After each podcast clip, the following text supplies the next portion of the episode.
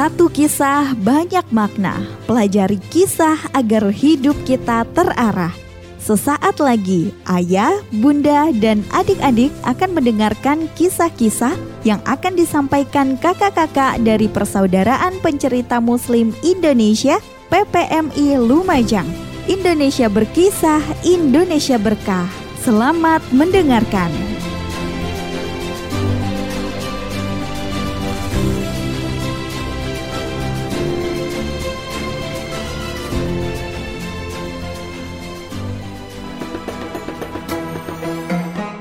Assalamualaikum warahmatullahi wabarakatuh.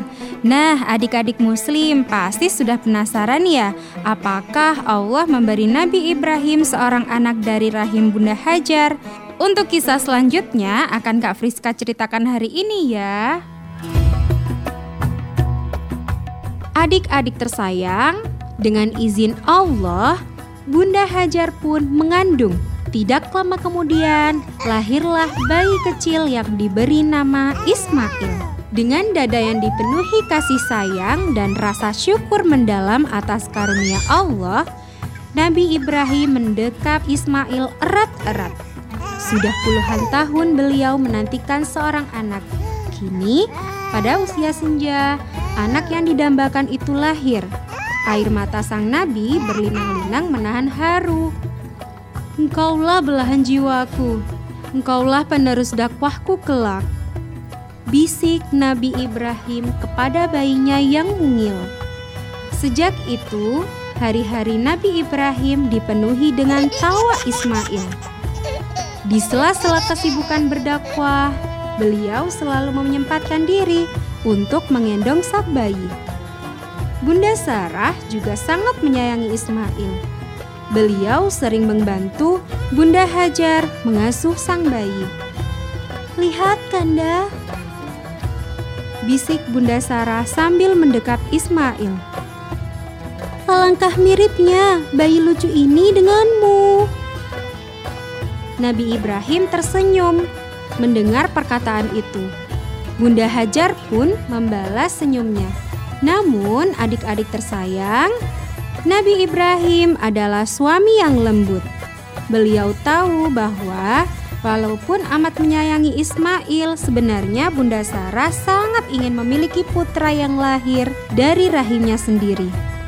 Putra saleh yang akan melanjutkan dakwah mereka. Nabi Ibrahim menyadari betapa beratnya perasaan Bunda Sarah. Beliau sangat ingin meringankan beban itu. Karena itu, dalam setiap kesempatan berdoa, Nabi Ibrahim dan Bunda Sarah meminta agar Allah berkenan menurunkan seorang lagi penerus dakwah dari rahim Bunda Sarah. Adik-adik tersayang, belum lagi doa itu terkabul. Allah yang Maha Penyayang menurunkan sebuah ujian yang sangat berat. Nabi Ibrahim dititah untuk membawa Bunda Hajar dan bayinya pergi ke sebuah tempat yang sangat jauh. Sebuah tempat sunyi, tak berpenghuni di tengah gurun yang tandus dan gersang. Perpisahan ini terasa sangat berat di hati Bunda Hajar dan Bunda Sarah. Namun, kehendak Allah ada di atas segalanya. Adik-adik tersayang, apa yang terjadi pada Bunda Hajar dan Ismail di tempat baru itu? Simak cerita kakak-kakak pengkisah selanjutnya ya. See you next time.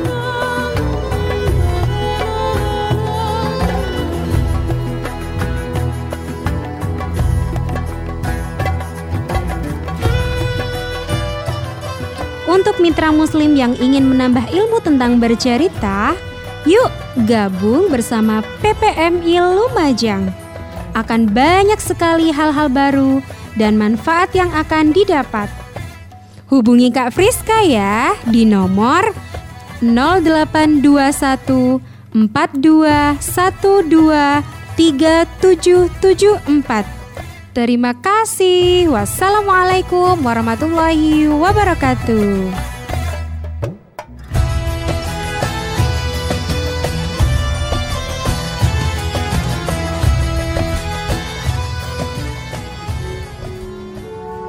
Terima kasih telah mendengarkan. Tunggu kisah-kisah selanjutnya dari kakak-kakak persaudaraan pencerita Muslim Indonesia PPMI Lumajang. Indonesia berkisah, Indonesia berkah.